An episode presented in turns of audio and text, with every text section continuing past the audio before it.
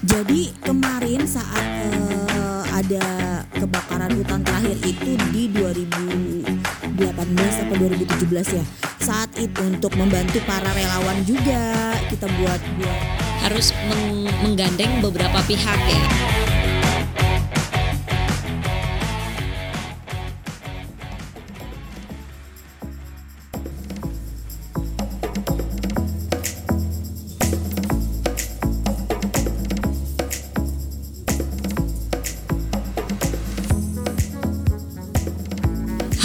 Warga Plus 62, selamat datang di Plus 62 Coffee Discussion Forum.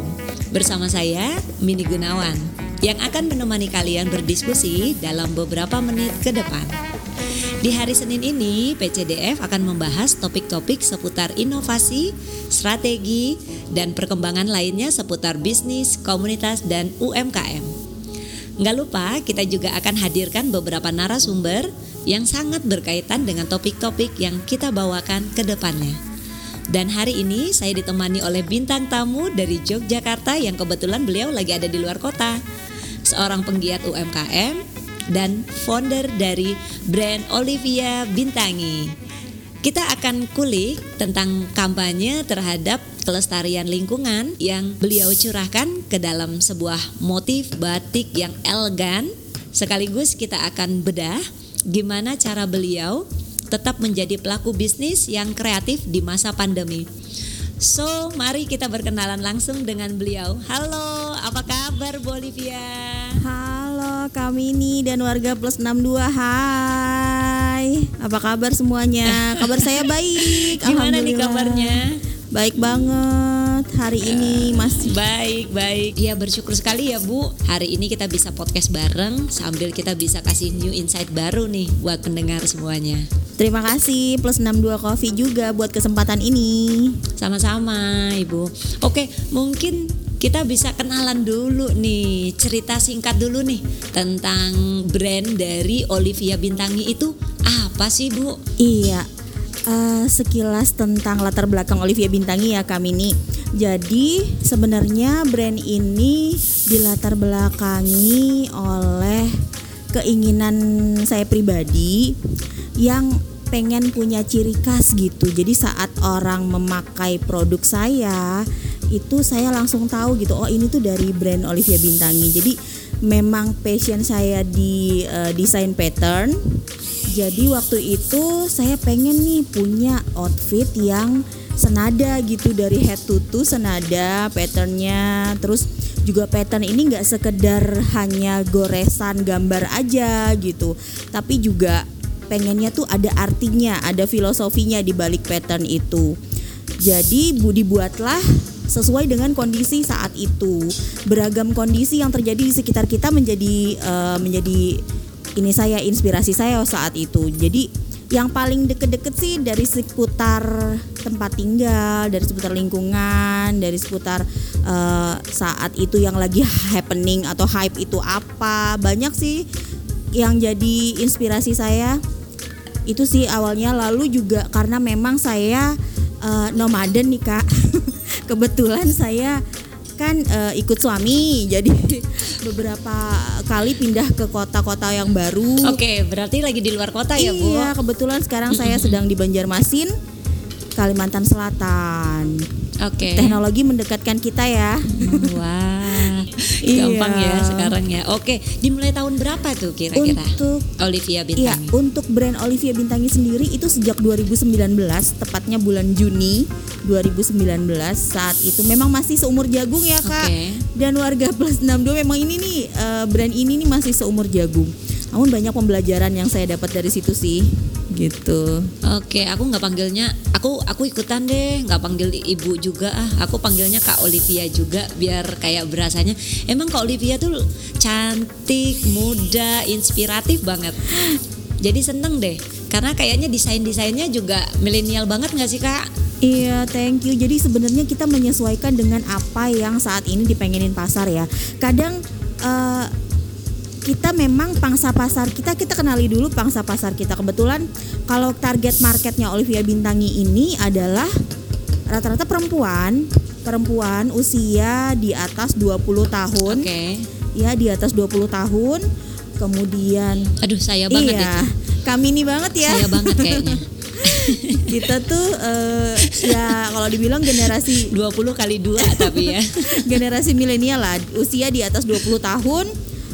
Kemudian di bawah 65 tahun, 60 tahun lah. Jadi kita sebenarnya lebih banyak customer itu atau Hmm, klien kita oke. itu di usia 25 sampai 45-an lah sekitar itu. Jadi memang sekarang kan banyak mama-mama muda juga ya yang ini Berarti ya. warna-warnanya pun warna-warna yang full color gitu-gitu ya. Betul. Ada warna spesifik nggak sih warna Olivia Bintangi itu ke warna apa? Eh, untuk warna memang saya lebih ke bold ya. Olivia Bintang itu lebih warna bold karena Pemilihan warna. Iya, karena eh, pastel Oh. itu ada beberapa pilihan warna pastel tapi nggak yang terlalu soft gitu. Jadi saya lebih suka kalau pink mungkin ke fuchsia, bukan ke soft pink atau baby pink gitu. Lebih ke peach, orange, biru Oke. dan sebagainya. Lebih ke warna bold sih. Oke, yang yang sekarang Kak Olivia, yang sekarang Kak Olivia pakai juga hijabnya juga ini ya, Iya. desain sendiri dong. Iya, ini Olivia desain Bintangi sendiri. juga dong. Iya. Oke, kalau ini nih ceritanya apa nih? Kalau yang ini Kalau yang sekarang lagi Iya, yang dipakai? ini tuh ceritanya memang eh, filosofinya dalam banget kak. Jadi hijab, saya bikin eh, motif ini di beberapa outfit ada hijab, kemudian ada bahkan sampai ada sandal dan Ada shawl betul mungkin? scarf, eh, lalu outer. Wow, kreatif kemeja. sekali. Berarti ada ada hijab, ada outer, oke. Betul, ada, ada- kemeja, ada tas, Betul. ada clutch dan ada sendal. Betul. Ada masker juga Betul. pastinya. Jadi Wow. eh, kebetulan kreatif Untuk sekali. pattern ini saya cerita sedikit ya kak buat pattern ini. Jadi pattern ini boleh itu boleh boleh dong bagi ke warga plus 62. pattern ini itu adalah uh, series Borneo Treasures. Borneo Treasures sendiri itu yakni kekayaan Oke. alam Borneo. Kebetulan saya lahir sampai oke. dengan lulus SD, SMP itu di uh, Kalimantan Tengah, tepatnya Kota Palangkaraya. Ah, ya, oke, karena oke, ibu oke. saya kebetulan saya blasteran nih Kak. oke. Ibu saya ibu saya dari Kalteng, Dayak Kalimantan Tengah. Kemudian bapak saya ini asli Jogja. Oke. Jadi ketika tinggal di Kalimantan Tengah, Oke. pernah suatu waktu eh, waktu SMP kalau nggak salah itu kita tuh nggak sekolah beberapa bulan dikarenakan diliburkan akibat dari Kebakaran. hutan. Kebakaran Betul, hutan ya? kebakaran hutan. Jadi saat itu rasanya Oh, oke. Itu juga yang sedih gitu kan usia segitu lagi ABG senang-senangnya berteman Oke, sekolah oke. gitu sedih gitu kenapa harus di rumah terus gitu saat itu belum ada pandemi pencarian sih jati diri.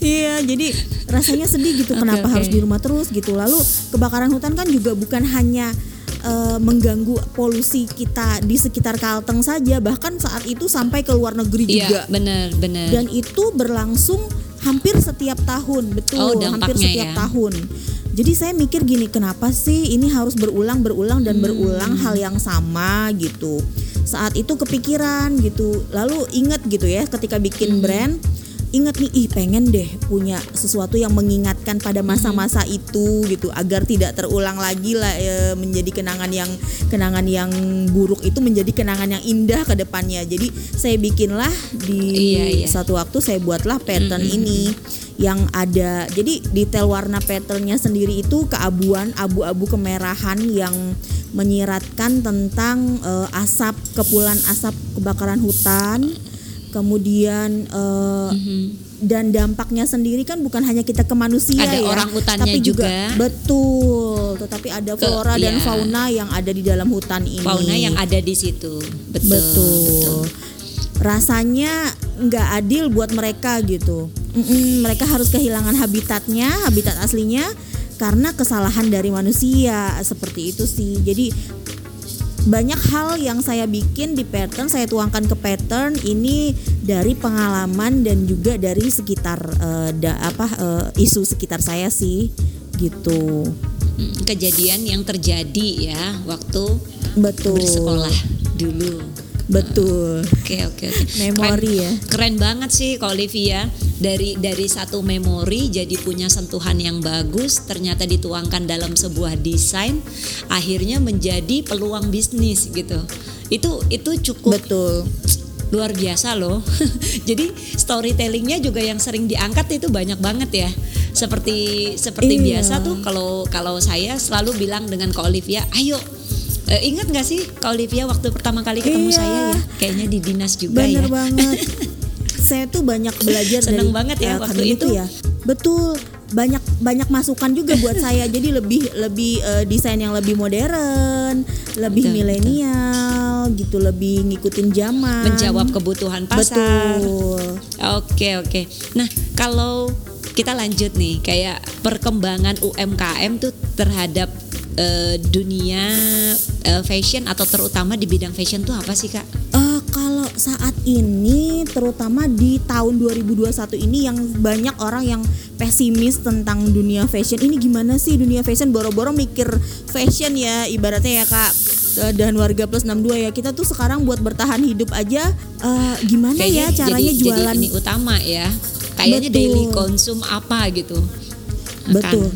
Tapi di balik semua itu saya juga nyimak gitu ya perkembangan. Iya, saya juga nyimak perkembangan. Tapi di di balik itu bahkan brand lokal kita bisa gitu ke New York Fashion Week gitu kan. Seperti Erigo ya, Erigo brand lokal kita kita ambil contoh itu kan. Benar, benar, Kenapa mereka bisa Benar, gitu? benar. Karena memang saat ini pangsa pasar kita bukan hanya di dalam negeri. Kalau saya sih lebih ke situ sih Kak bayanginnya. Jadi saya ngebayanginnya gini, Oke, oke oke. kita nggak bisa jualan di dalam negeri gitu karena memang kondisi eh, negara kita yang bukan ini kan ya bukan maksudnya bukan melimpah eh, eh, ini.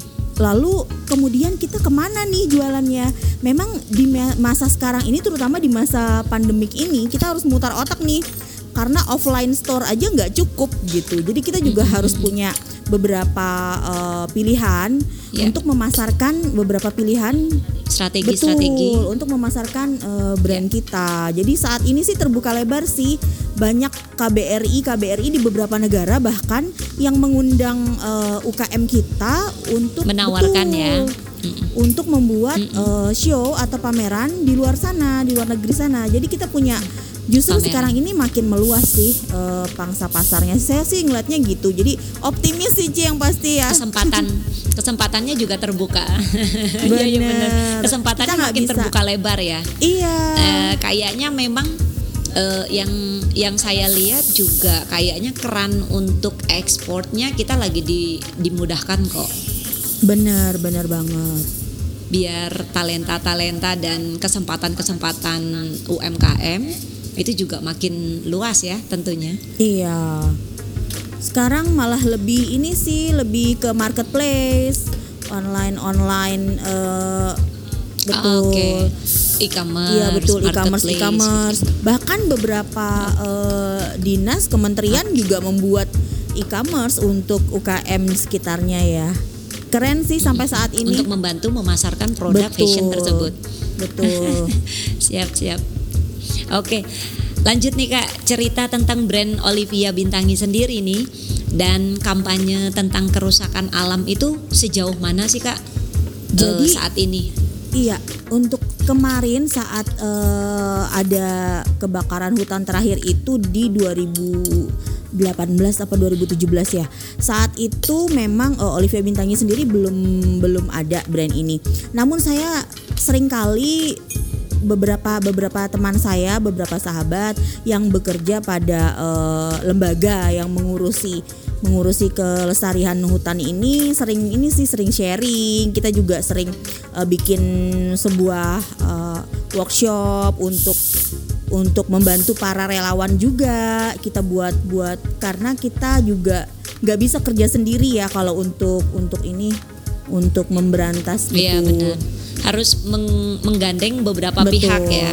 Jadi kita sampai saat ini sih kita beberapa kali diundang workshop dan kita juga berpartisipasi di sana menyediakan sesu- sesuatu lah buat eh, buat para sukarelawan yang membantu kita yang terjun langsung ke lapangan seperti itu sih kak. Kita juga eh, membuat sebuah ini dengan kita menggunakan packaging yang ramah lingkungan tentunya. Saya sendiri lebih uh, concern sih ke masalah ini untuk packaging. Packaging produk fashion itu kan identik dengan banyaknya sampah plastik gitu ya. Termasuk juga limbah uh, limbah uh, limbah fashion yang banyak terbuang betul. Jadi saat ini kami membuat itu menjadi uh, sustainable fashion pastinya.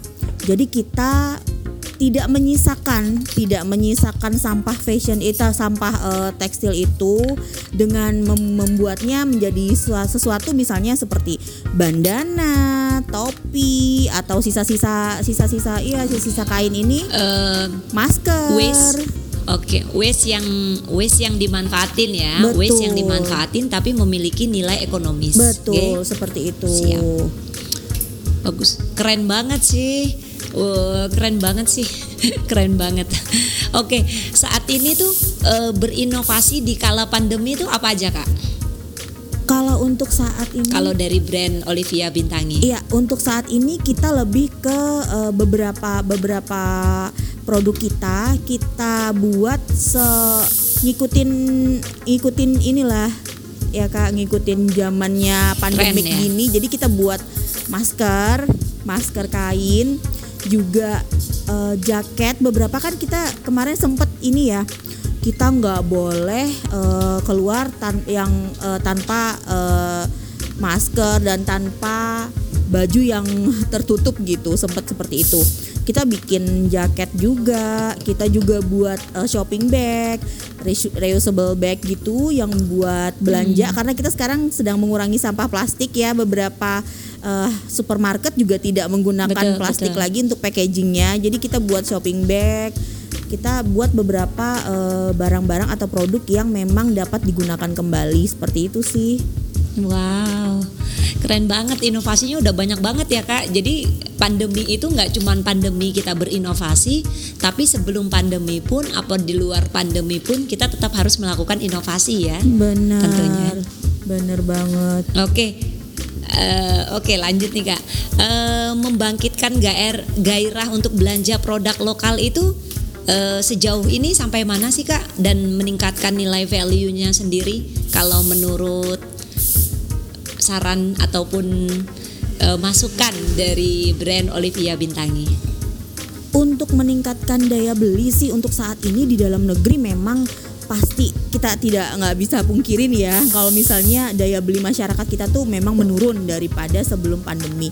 Namun ada beberapa permintaan yang memang justru uh, melonjak seperti masker kain misalnya itu bener-bener okay. uh, bener-bener beda sih permintaannya dulu kita nggak pernah mikirin mau jual masker kain dengan dengan maksudnya punya punya punya nilai jual gitu kan masker kain dulu kita nggak kepikiran itu sekarang termasuk iya, iya. ya termasuk dalam aksesoris fashion juga ya sekarang Bener. ya soalnya terus mm -hmm. juga kan ada istilah zaman sekarang itu uh, masker itu adalah make up kita. Karena memang jarang ada yang buka masker ya kak.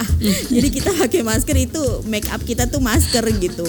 Jadi itu sih kita kita membuat sesuatu betul, yang benar-benar ada uh, nilai pakainya itu tinggi gitu. Jadi misalnya kayak jaket jaket pun kita buatnya yang dulu bahannya mungkin rajut mungkin bahannya uh, seperti yang lebih tebal atau yang ini. Sekarang kita bikin yang uh, water repellent misalnya yang tahan percikan air. Karena kan tahu sendiri kalau misalnya pandemi gini menghindari droplet gitu kan. Jadi kalau misalnya ini juga berfungsi juga untuk semi raincoat jadi bener-bener kita gunakan bahan-bahan yang lebih ini sih yang lebih masuk ke era pandemi gini sih gitu sih kak dan tentunya tetap nyaman kenyamanan dipakai. itu juga pasti kita pikirkan dengan sesuatu memilih. betul yang yang Benar-benar. Yang pasti untuk melindungi dan juga membuat nyaman si pemakainya Betul. gitu ya Kak. Tapi tetap gaya gitu kan Kak.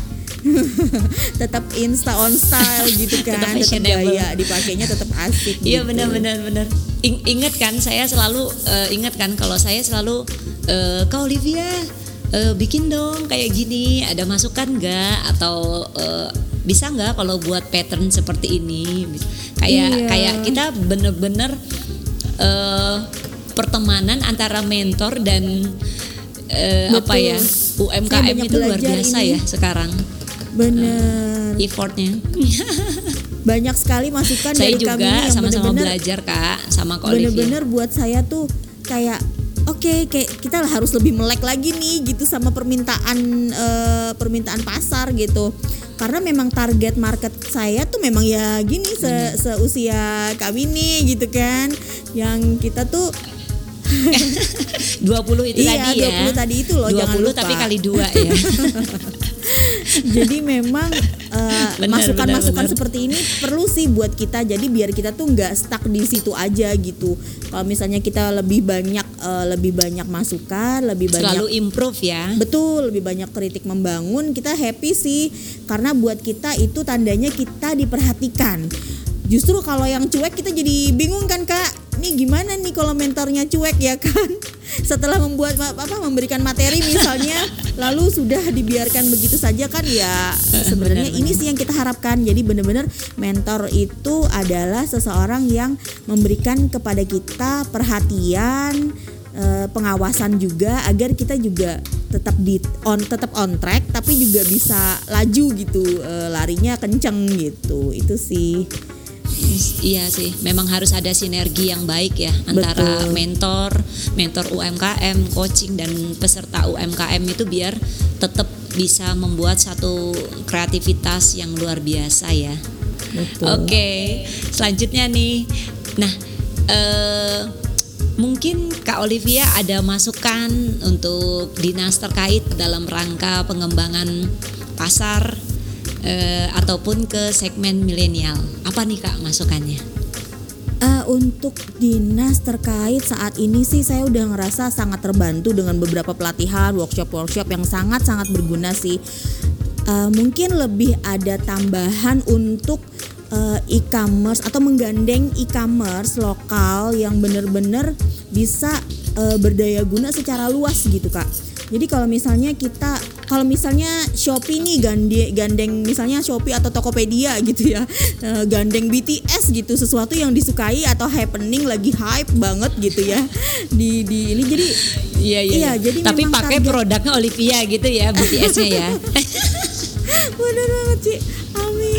Wah, itu kalau kalau kalau B, iya, kalau BTS pakai produknya Olivia, wah mungkin Olivia langsung jadi miliarder nih. Iya. miliarder Iya, pertama bisa, dari bisa. UMKM Yogyakarta. bisa-bisa penjahitnya kewer-kewer nanti ya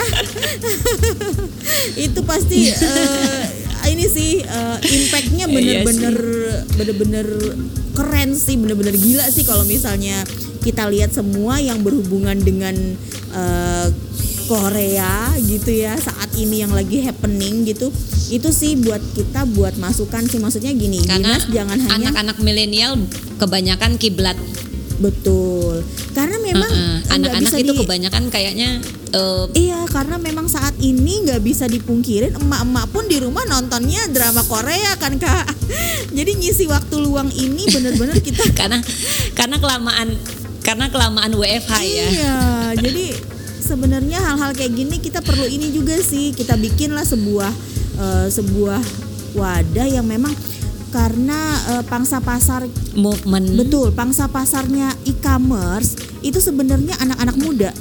Karena juga ibunya rata-rata ah, pernah Ya, saya juga nemuin customer yang dia nyari di Shopee dia mau beli sesuatu buat ibunya. Jadi karena ibunya tidak bisa menggunakan e-commerce gitu, tidak bisa berbelanja online. Jadi yang mencarikan anaknya. Jadi ini tergantung tes anaknya ya jadinya gitu. Jadi sebenarnya yang kita incar saat ini tuh yaitu kerjasama dengan eh, apa se- sebuah mungkin sebuah eh, bagian dari bagian dari pemerintah yang juga memberdayakan eh, mungkin menggandeng menggandeng e-commerce swasta atau gimana gitu ya kak tapi memang secara Menggandeng beberapa e-commerce. Betul. Ya, ya. Mungkin secara ini agak agak panjang ya perjalanannya ke depannya gitu kan ya karena hal itu perlu MOU dan sebagainya ya. Tapi maksudnya ke depannya inginnya sih tapi keren sih sekarang dinas-dinas itu yang bekerja di dinas-dinas UKM kan kebanyakan anak muda ya. Karena memang mereka mm, mereka masih muda jadi mereka pasti udah punya inilah bahkan ada ada beberapa eh, dinas juga yang memberikan fasilitas eh, foto gratis, video gratis untuk beberapa UKM gitu. fotografi. Betul. Itu membantu banget sih. Cuman Kemarin masalah kemarin juga ketemunya di Iya betul kita juga ketemunya di di rumah kreatif gitu. coachingnya saya gitu ya. Iya kak. Jadi sebenarnya yang perlu yang lebih di Iya, iya. yang lebih di Kita ini lagi harus- mungkin eh, cara cara memasarkannya ya. Kalau untuk mendidik atau mengawasi itu udah oke banget memberikan pelatihan-pelatihan, workshop dan segala macam. Mungkin ke lebih cara ya pemasaran yang lebih yang lebih hype gitu, yang lebih luas, yang lebih mantap lah gitu. Iya sih, tapi balik lagi ke UMKM-nya kak, mampu dan mampu dan bisa nggak untuk berinovasi? Nah ini dia. itu sih. Iya sih, kita harus ini sih sekarang Eh. tuh. Karena memang ada ke distract beberapa mungkin eh, hal-hal ya atau gangguan eh, seperti tidak konsisten dalam taste atau desain atau apa pun yang UMKM tersebut create. Kalau saya sih seperti itu. Oh iya benar-benar. Jadi kalau untuk dinas sendiri mungkin sudah banyak ya memberikan coaching, pelatihan, pendampingan, Betul. diklat dan lain sebagainya sebenarnya. Jadi nggak kurang-kurang sebenarnya perhatian dinas itu luar Iya, biasa. banget, banget. Jadi Keren saya sih. mungkin juga ya Bu, eh, saya mungkin juga dengan Kak Olivia tentunya kita berterima kasih dengan dinas koperasi dan Betul. UMKM Yogyakarta, Provinsi Yogyakarta yang mewakili atau membawahi lima kabupaten, termasuk RKS Sleman Betul. juga ya, yang kemarin kita ketemu ya, Kak Olivia ya. bertemu di RKS. Pertama kali, pertama kali, pertama kali ngelihat ngelihat mentor kayak saya gimana tuh kak? ini pertama kali kok waktu itu kok muda ini mentornya iya, ya? saya ngebayanginnya gini. Ini kebayangnya itu ibu-ibu berbatik gitu loh, Kak. Kalau mentor kan ibu-ibu dengan batik duduk di tengah gitu loh, Kak.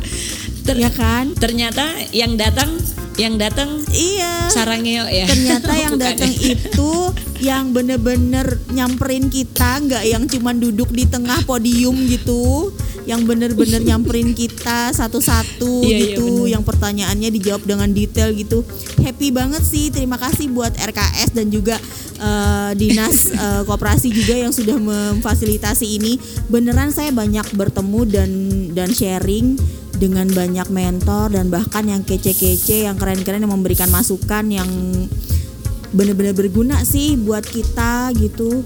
Karena apalah artinya kita berjalan sendirian itu nggak ada nggak ada tenaganya. Kalau misalnya kita didorong banyak orang di belakang itu pasti akan lebih bertenaga gitu kan ya Iya benar karena zamannya bukan zaman berkompetisi tapi zaman berkolaborasi. betul Oke, seneng banget nih, seru banget obrolan kita hari ini dan diskusi kita yang bener-bener membangun eh, insight-insight baru baik itu di dunia fashion ataupun di dunia UMKM tentunya. Oke kak, eh, kita mau closing statement mungkin ada hal-hal yang mau disampaikan mungkin dari Kak Olivia? Eh, boleh. Kita sebenarnya nggak akan bisa eh, jalan sendirian. Jadi yang pasti kita harus aware sama sekitar dan jangan malu untuk eh, membagi kita harus membagi ilmu dan juga meminta ilmu itu. Jadi ha- bukan hanya bukan hanya kita yang eh, selalu membuat itu menjadi kita punya pikiran sendiri gitu. Kalau misalnya kayaknya saya bikin ini bakal lebih berguna nih. Tapi apalah gunanya pemikiran kita kalau misalnya ketika depan nggak ada nggak ada permintaan kan gitu ya. Kalau misalnya berdagang atau eh, memiliki sebuah brand otomatis kita juga harus memikirkan eh, pasar target market kita termasuk juga apa yang kita ini memberikan impact nggak? Kira-kira bakal disukain nggak? Gitu. Jadi kita harus jangan jangan jangan malu untuk banyak bertanya dan menimba ilmu itu sih. Yang pasti nggak nggak pernah akan merasa cukup kalau misalnya kita sendiri saja. Kalau misalnya kita bareng-bareng kita punya banyak pemikiran yang bagus kita kembangkan yang kata kami ini tadi beneran saat ini tuh bukan saatnya berkompetisi lagi gitu ini tuh saatnya berkolaborasi Wah, makasih banget nih Kak. Closing statement mungkin dari saya pribadi eh, temukan keunikan dari karya kalian, fashion kalian Dan so be yourselves aja, bangga dengan produk apa pun yang kita gunakan, apalagi itu produk UMKM. Dan tentunya jangan lupa cek-cek ke Instagramnya Olivia Bintangi. Terima kasih. Oke. So jangan lupa share ke teman-teman kalian, share ke story kalian. Siapa tahu banyak teman-teman kalian yang butuh banget topik ini. Jadi lebih banyak lagi yang dapat manfaat dari podcast ini. Kirimkan kritik dan saran untuk podcast kami di Instagram at 62coffee.official atau ke Instagram saya mini underscore gunawan. Untuk topik-topik seputar inovasi, strategi, dan perkembangan lainnya seputar bisnis, komunitas, dan UMKM jangan lupa kunjungi dan follow Instagram Olivia Bintangi. Olivia underscore Bintangi tentunya. Untuk tahu lebih banyak mengenai produk-produk unik yang beliau create. Terima kasih Kak Olivia. Terima kasih Kak. Udah share hal-hal menarik. Thank you banget. Thank you banget ya untuk waktunya. Sehat selalu. Terima kasih. Oke. Oke, sampai di sini episode kali ini saya Mini Gunawan dan Saya Olivia Bintangi. see you to the next episode exclusive on Spotify.